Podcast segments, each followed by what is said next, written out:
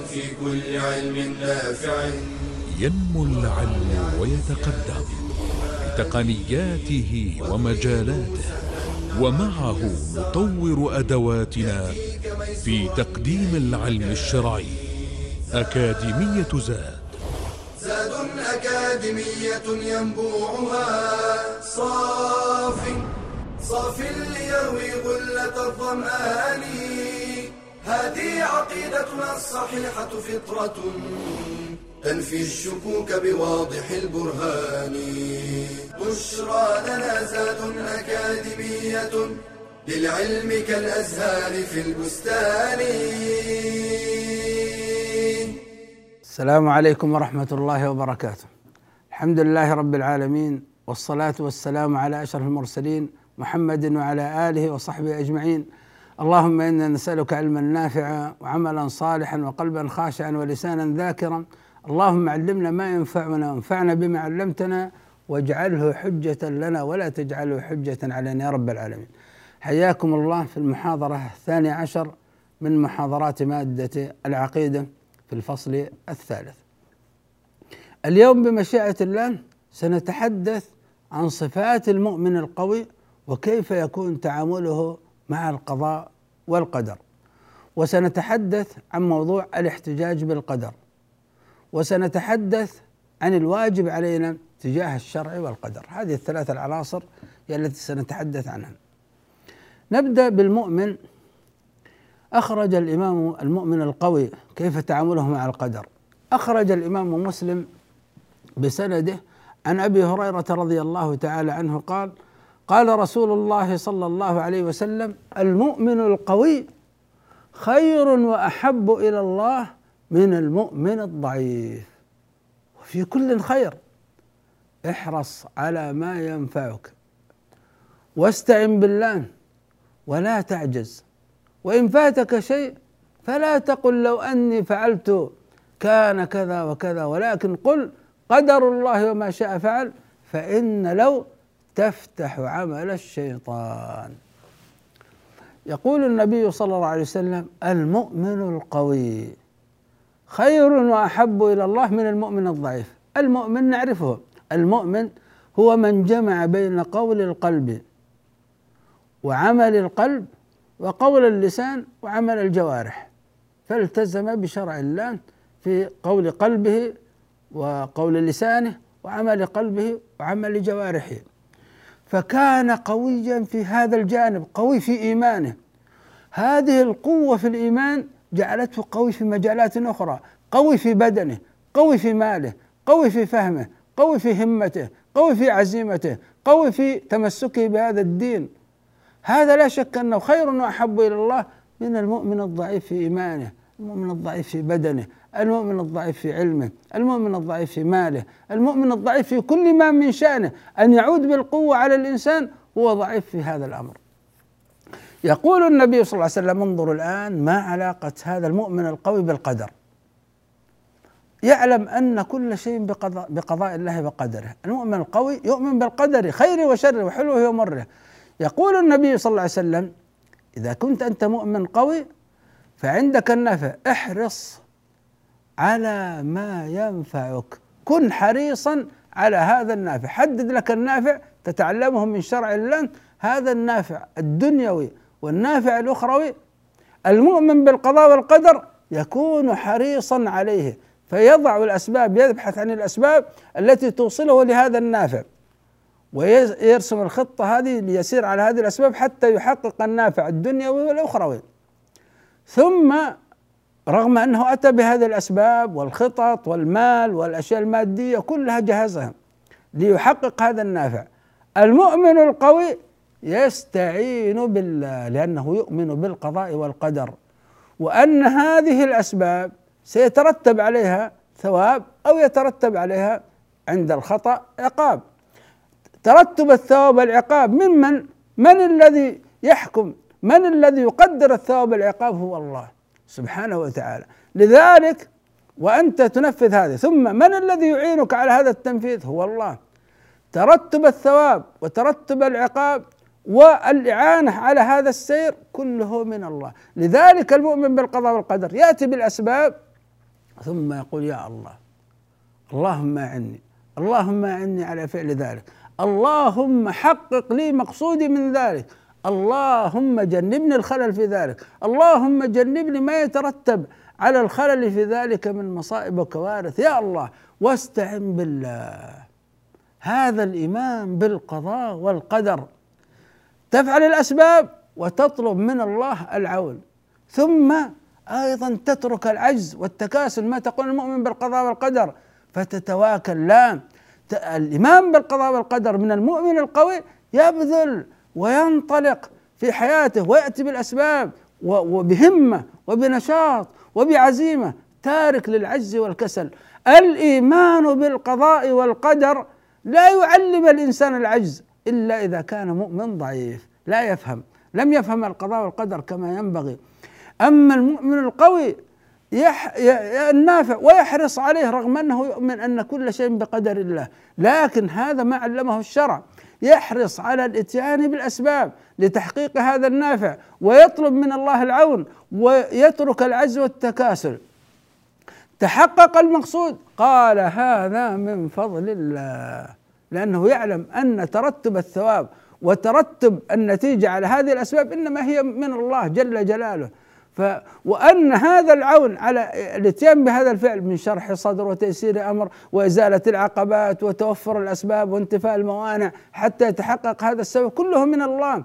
لذلك إذا تحقق المقصود قال الحمد لله هذا من فضل الله هذا من فضل الله. وإذا لم يتحقق المقصود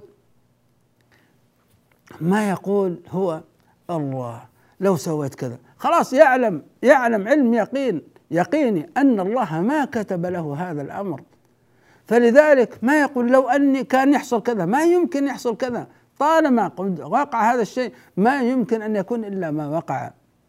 فلذلك ما يقول لو أني فعلت كان كذا وكذا لكن يقول قدر الله وما شاء فعل. ثم يعود ويراجع خطته ويستدرك الأخطاء.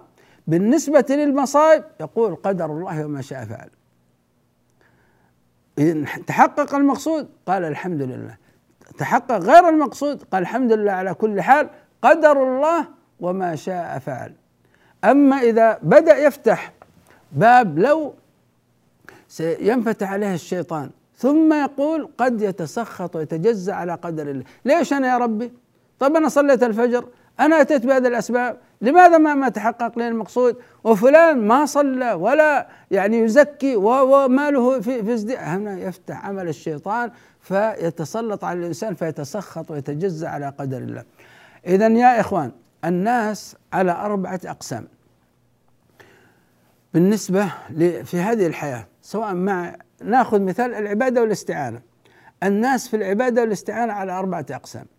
مؤمن قوي المؤمن القوي هذا العبادة لله إياك نعبد عنده إياك نعبد عنده ويستعين بالله فيطلب من الله العون على عبادة الله. هذا بشكل عام في جميع مناحي الحياة. فهذا المؤمن القوي يراعي الأمر الأمر الشرعي فيلتزم بالعبادة.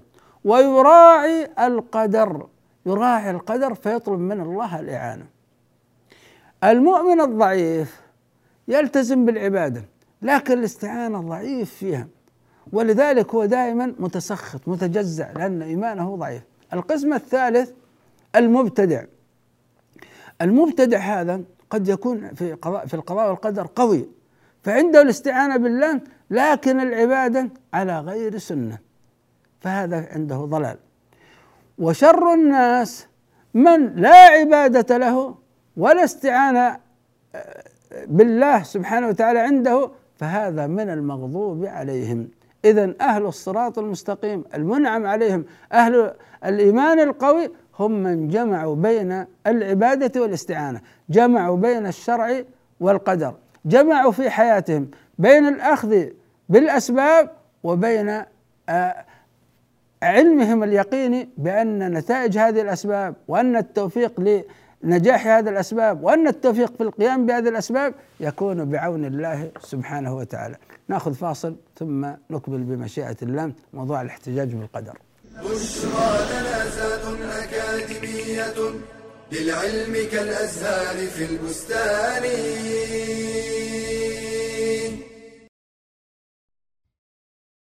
العلم مراتب فمنه فرض عين وهو تعلم ما لا يتأدى الواجب إلا به كتعلم صفة الوضوء والصلاة ومنه فرض كفاية كعلوم الحديث ومنه نفل كالتبحر في أصول الأدلة.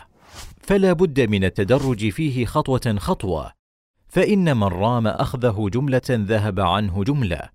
ولكن الشيء بعد الشيء مع الليالي والأيام. ونراعي الأولويات في التعلم. فنبدأ بالعلوم الأصلية كالتفسير والفقه قبل علوم الآلة كمصطلح الحديث وأصول الفقه. ونبدأ بتعلم الفروض قبل النوافل. وفي الحديث القدسي ما تقرب إلي عبدي بشيء أحب إلي مما افترضت عليه. وقد قيل من شغله الفرض عن النفل فهو معذور ومن شغله النفل عن الفرض فهو مغرور. ونبدأ بالأسهل قبل الأصعب وبالمختصرات قبل المطولات. قال تعالى كونوا ربانيين. والرباني الذي يربي الناس بصغار العلم قبل كباره. ونبدأ بتعلم ما يترتب عليه ثمرة قبل المسائل النظرية البحتة. ونبدأ بالتعلم قبل التصدر للتعليم. فإن فاقد الشيء لا يعطيه. ونهتم بالفهم والتدبر. ولا نقتصر على الحفظ والتلقين. فتدرج في طلب العلم حتى تكون من الراسخين. قال صلى الله عليه وسلم من يرد الله به خيرا يفقهه في الدين.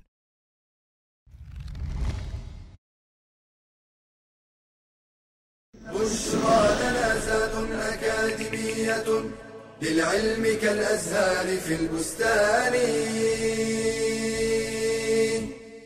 حياكم الله أيها الأحبة. في الله الآن سندخل في موضوع آخر. يتعلق بمسألة الاحتجاج بالقدر.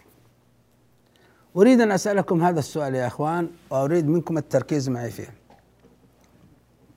هناك قصة أخبرنا بها النبي صلى الله عليه وسلم وهي في البخاري ومسلم.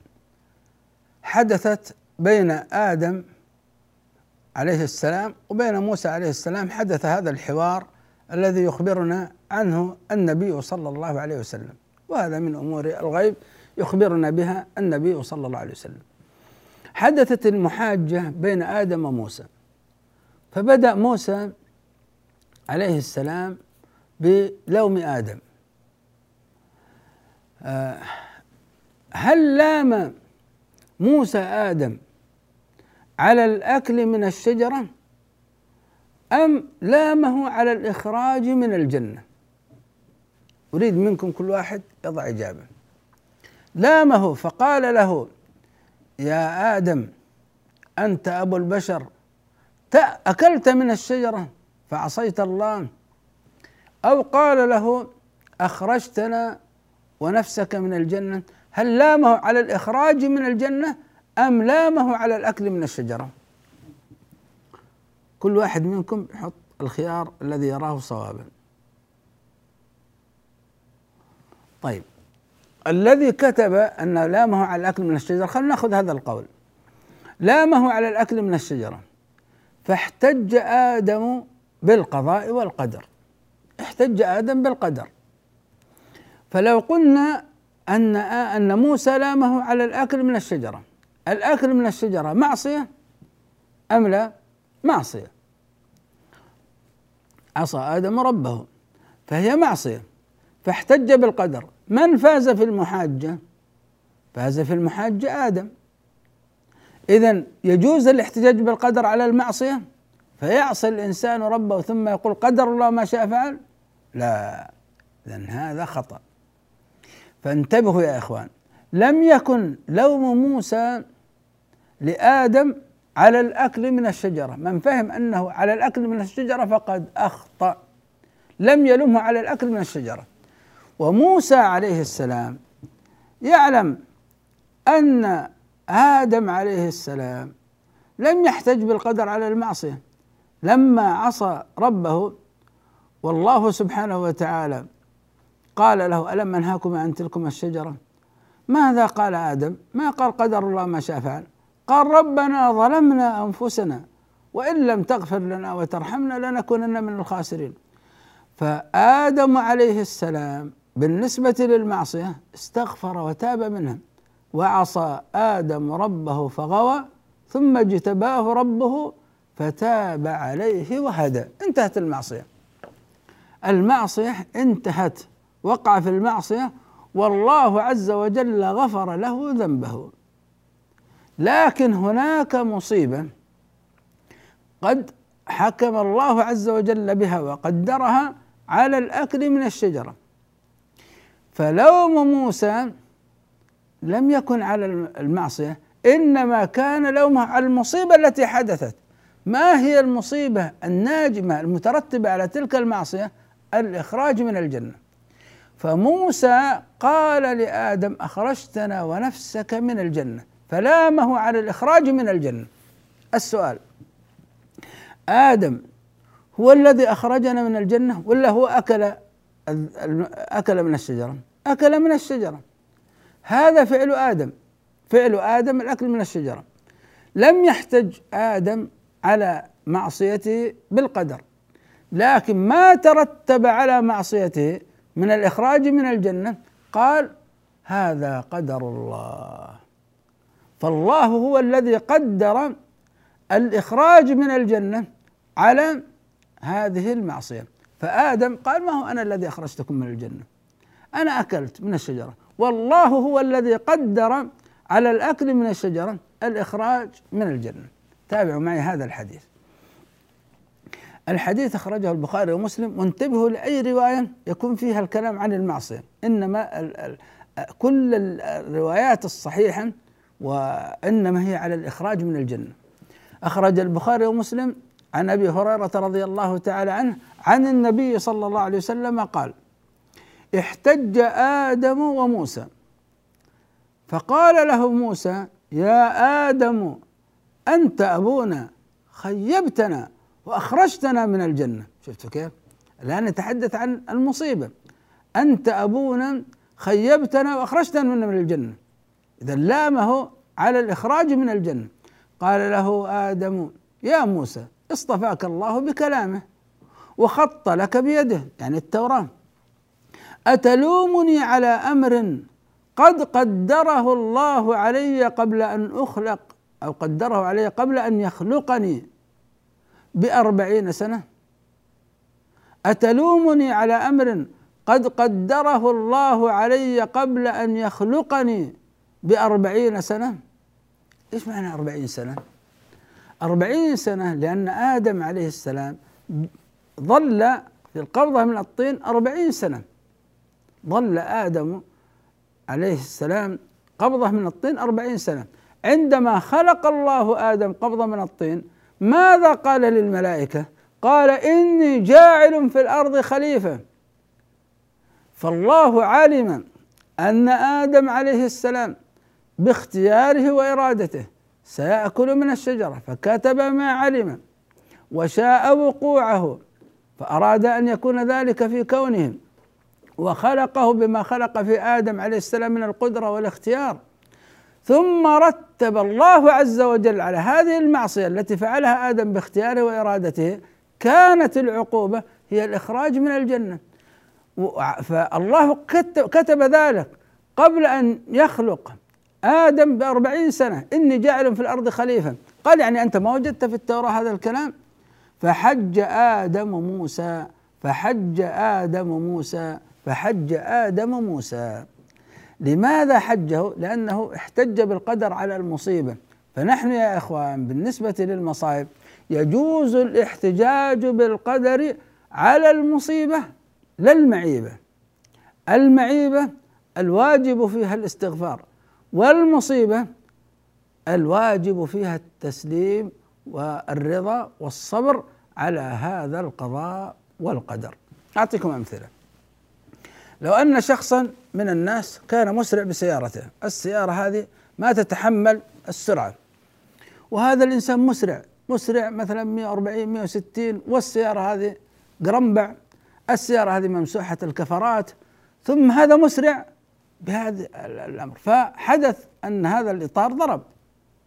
فانقلبت السيارة وكسرت ساقه ثم جاء شخص يزوره فقال له تسرع. جاء مثلا واحد من أعمامه من كبار السن قال له يا ولدي تسرع بالسيارة 140 والسيارة لا تتحمل مثل هذه السرعة. فقال قدر الله وما شاء فعل. صح أم خطأ؟ هذا خطأ. المفروض يقول أستغفر الله ان شاء الله ما أعود إليها مرة أخرى.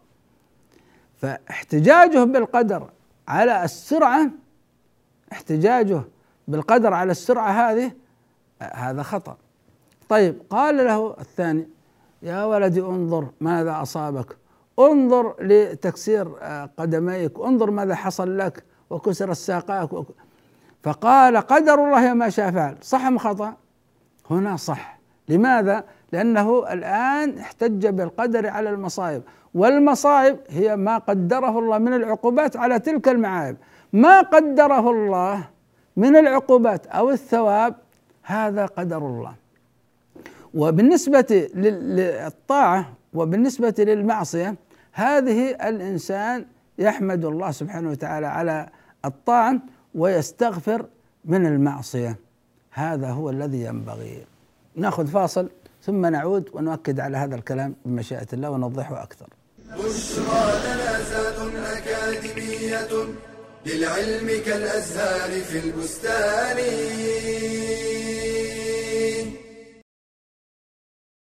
نزل الوحي الإلهي باللسان العربي المبين. قال تعالى إِنَّا أنزلناه قرآنا عربيا لعلكم تعقلون. فتعلم العربية يسهل فقه معاني الكتاب والسنة وكلام السلف. وكتب عمر إلى أبي موسى.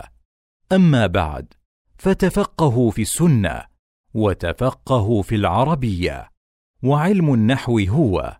علم بأصول يعرف منها أحوال أواخر الكلم اعرابا وبناء.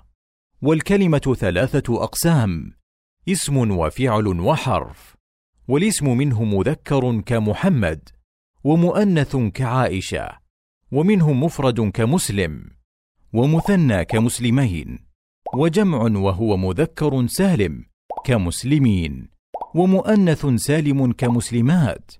وجمع تكسير كعلماء والاسم منه نكرة كرجل ومعرفة وهو أنواع الضمير كأنا وهم والعلم كأحمد واسم إشارة كأولاء والاسم الموصول كالذي والمعرف بأل كالرجل وبالإضافة كطالب العلم والإعراب هو تغيير أواخر الكلم لاختلاف العوامل الداخلة عليها لفظا أو تقديرا. وعكسه البناء. وأقسام الإعراب أربعة الرفع وعلامته الأصلية الضمه والنصب وعلامته الأصلية الفتحه والجر وعلامته الأصلية الكسرة ويختص بالأسماء والجزم وعلامته الأصلية السكون ويختص بالأفعال. والفعل ثلاثة أقسام ماض كذهب ومضارع كيذهب وأمر نحو اذهب. والماضي والأمر مبنيان والمضارع يعرب ويبنى والجملة إما اسمية وهي مبتدأ وخبر وإما فعلية وهي فعل وفاعل. فتعلم النحو واللغة لتفهم نصوص الوحي. فإنه نزل إلينا. بلسان عربي مبين. بشرى لنا زاد أكاديمية للعلم كالأزهار في البستان. حياكم الله أيها الأحبة في الله. أخذنا قبل الفاصل أنه يجوز الاحتجاج بالقدر على المصائب لا المعايب. وخلصنا على أن موسى صلى الله عليه وعلى نبينا آه، وسلم أن موسى عليه السلام لام آدم على الإخراج من الجنة. والإخراج من الجنة مصيبة. فلامه على المصيبة فاحتج آدم عليه بأن هذا قدر الله. وما قد قدره الله هو الذي سيكون. فانتصر في المحاجة آدم على موسى. فقلنا إذن أن آدم عليه السلام لم يحتج بالقدر على الأكل من الشجرة إنما احتج بالقدر على الإخراج من الجنة فجاز هذا الأمر. وقلنا أنه يجوز الاحتجاج بالقدر على المصائب لا المعايب المعيبة يعني مثلا شخص تارك للصلاة ما يصلي. ثم جاءه شخص ينصحه فقال له يا أخي أنت عمرك ثلاثين سنة وإلى اليوم ما تصلي؟ اتق الله عز وجل وراقب الله. فقال قدر الله ما شاء فعل. احتجاجه صواب أم خطأ؟ لا احتجاجه خطأ. طيب لو كان هناك شخص وبلغ عمره ثلاثين سنة وتاب وتاب الله سبحانه وتعالى عليه. ثم بدأ يصلي فجاءه شخص يقول له يا الله بلغ عمرك ثلاثين سنة وما كنت تصلي اليوم تصلي؟ قال قدر الله وما شاء فعل. هذا الآن اعتبر هذا الماضي مصيبة. مصيبة أنه قد فاتته تلك الأجور بلغ عمره ثلاثين سنة ما كان يصلي. فهذه مصيبة. فقال قدر الله وما شاء فعل. هذا احتجاج بالقدر على المصيبة. أما المعيبة نفس العيب نفس المعصية لا يجوز للإنسان أن يحتج بالقدر عليها. نختم هذه المحاضرة بالكلام عن الواجب علينا تجاه الشرع والقدر. يا إخوان الله سبحانه وتعالى آه، قال يا أيها الناس اعبدوا ربكم الذي خلقكم والذين من قبلكم لعلكم تتقون الذي جعل لكم الأرض فراشا والسماء بناء وأنزل من السماء ماء فأخرج به من الثمرات رزقا لكم. فلا تجعلوا لله اندادا وأنتم تعلمون. الله سبحانه وتعالى جعل لنا شريعة نسير عليها. هذه الشريعة فيها مأمورات فيها منهيات فيها أخبار عقيدة وفيها كذا. فأمرنا الله سبحانه وتعالى أن نلتزم بهذه الشريعة. هل يمكن أن يأمرنا الله سبحانه وتعالى وينهانا بشيء؟ وليس في قدرتنا أن نقوم بهذا الشيء؟ مستحيل يا إخوان. إذا كان الإنسان قد حرم من نعمة القدرة فصار مكرها صار مضطرا. آه مثلا ما عنده نعمة الجوارح الممكنة جاءت رسالة الإسلام وهو أصم وغير بصير.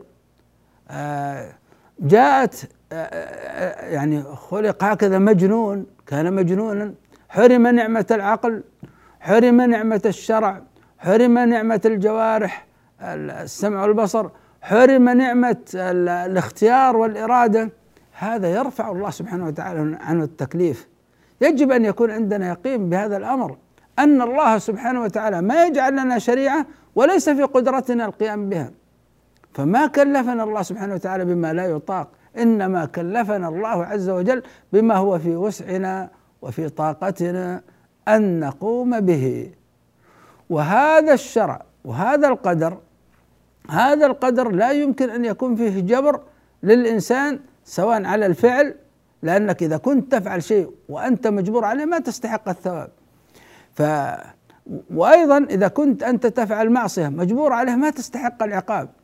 فهذا يجب أن يكون عندنا يقين يقين تام عندنا. اذا الشرع الواجب علينا تجاه الشرع أن نجتهد في الامتثال. أن تقول أمتثل. فتمتثل هذا الشرع بلا شرك. تمتثل هذا الشرع بلا ابتداع تمتثل هذا الشرع بلا اعتراض. وأهم شيء أنك لا تعترض على هذا الشرع بالقدر لأنه لا يمكن. لا يمكن أن يكون بينهما تعارض البتة. فلا تعترض على شريعة الله بشيء لا بقدر ولا بشيء آخر من سياسة من عادات من أعراف لا لا يعترض على هذا الشرع. الواجب هو في الشرع هو الامتثال. طيب حدث عندك تقصير في هذا الامتثال؟ فلم تمتثل المأمور كما ينبغي ففرطت فيه. أو أنك وقعت في المحظور فوقع منك تفريط فوقعت في المحظور. ما الواجب عليك حينئذ؟ ما الواجب عليك إذا أنت قد قصرت في المأمور أو المح أو وقعت في المحظور؟ الواجب عليك أن تستغفر تستغفر الله.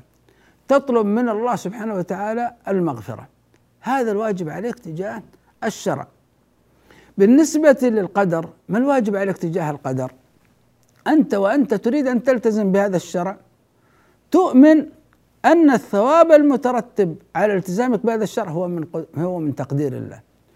وتؤمن أن الإعانة على أن تأتي بهذا المشروع هو من عند الله. فتطلب من الله سبحانه وتعالى العون وتتوكل على الله سبحانه وتعالى وحده لا شريك له. فيكون في قلبك صدق الاعتماد على الله في تحقق هذه النتيجة وفي يعني القيام بهذه الأسباب. فهذه الأسباب الشرعية تتعامل معها بيدك. وأما القلب فيكون معلقا بالله سبحانه وتعالى. فتطلب من الله الإعانة على الفعل وتطلب من الله سبحانه وتعالى أن يثيبك على هذا الفعل. فالواجب تجاه القدر هو الاستعانة بالله والتوكل على الله وأنت تقوم بهذا الشرع. فواجب عليك نسبة للقدر الاستعانة بالله والتوكل عليه. طيب حدث الأمر حدث مثلا آه، تحقق هذا المطلوب. الواجب عليك إذا تحقق هذا المطلوب أن تقول هذا من فضل الله. وترجع هذا الأمر إلى الله لأنه لولا الله ما استطعت أن تقوم بتلك الأسباب. ولولا أن الله سبحانه وتعالى قد أعانك بتوفر تلك الشروط التي إذا توفرت لذلك السبب انتج وأيضا لولا الله أنه أزال عنك الموانع عن ذلك السبب حتى ينفع لولا أن الله قد أعانك على تحقيق ذلك السبب بتوفر الشروط وانتفاء الموانع ما تحقق ذلك. اذا واجب عليك أن تعيد أن تحمد الله سبحانه وتعالى إذا تحقق لك هذا المقصود. فلم يتحقق لك هذا المقصود بسبب يعني نقص في أمورك بسبب أشياء الواجب عليك أن تحسن الظن بالله سبحانه وتعالى وأن تصبر على هذا المقدور. أن تحسن الظن بالله جل جلاله فلا تتسخط ولا تتجزع على قدر الله وتعلم أنه طالما هو من عند الله فهو من جهة الله هو خير لك.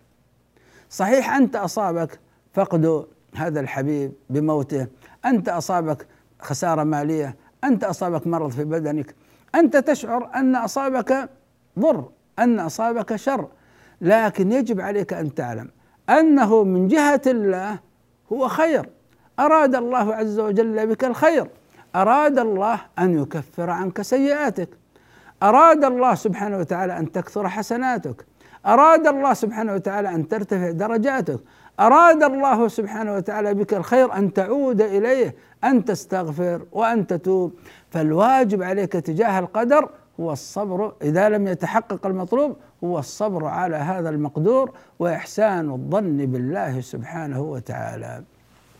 أختم هذه المحاضرة بما أخرجه البخاري بسنده عن عمران بن حصين رضي الله عنه قال قال رجل يا رسول الله أيعرف أهل الجنة من أهل النار؟ قال صلى الله عليه وسلم نعم لأنه خلاص فرغ من ذلك. قال فلما يعمل العاملون؟ قال كل يعمل لما خلق له أو لما يسر له. يعني هؤلاء الذين علم الله أنهم باختيارهم وإرادتهم سيسيرون في طريق الطاعة فكتب ذلك عنده وشاء منهم ذلك شريعة وخلقه سبحانه وتعالى ذلك أفعالهم خلقها بما خلق فيهم من القدرة والاختيار ونحو ذلك. الله عز وجل قال هؤلاء الجنة فييسر لهم طريق الجنة يسر ذلك لهم ويجعلهم يعملون لذلك الطريق لما خلق له.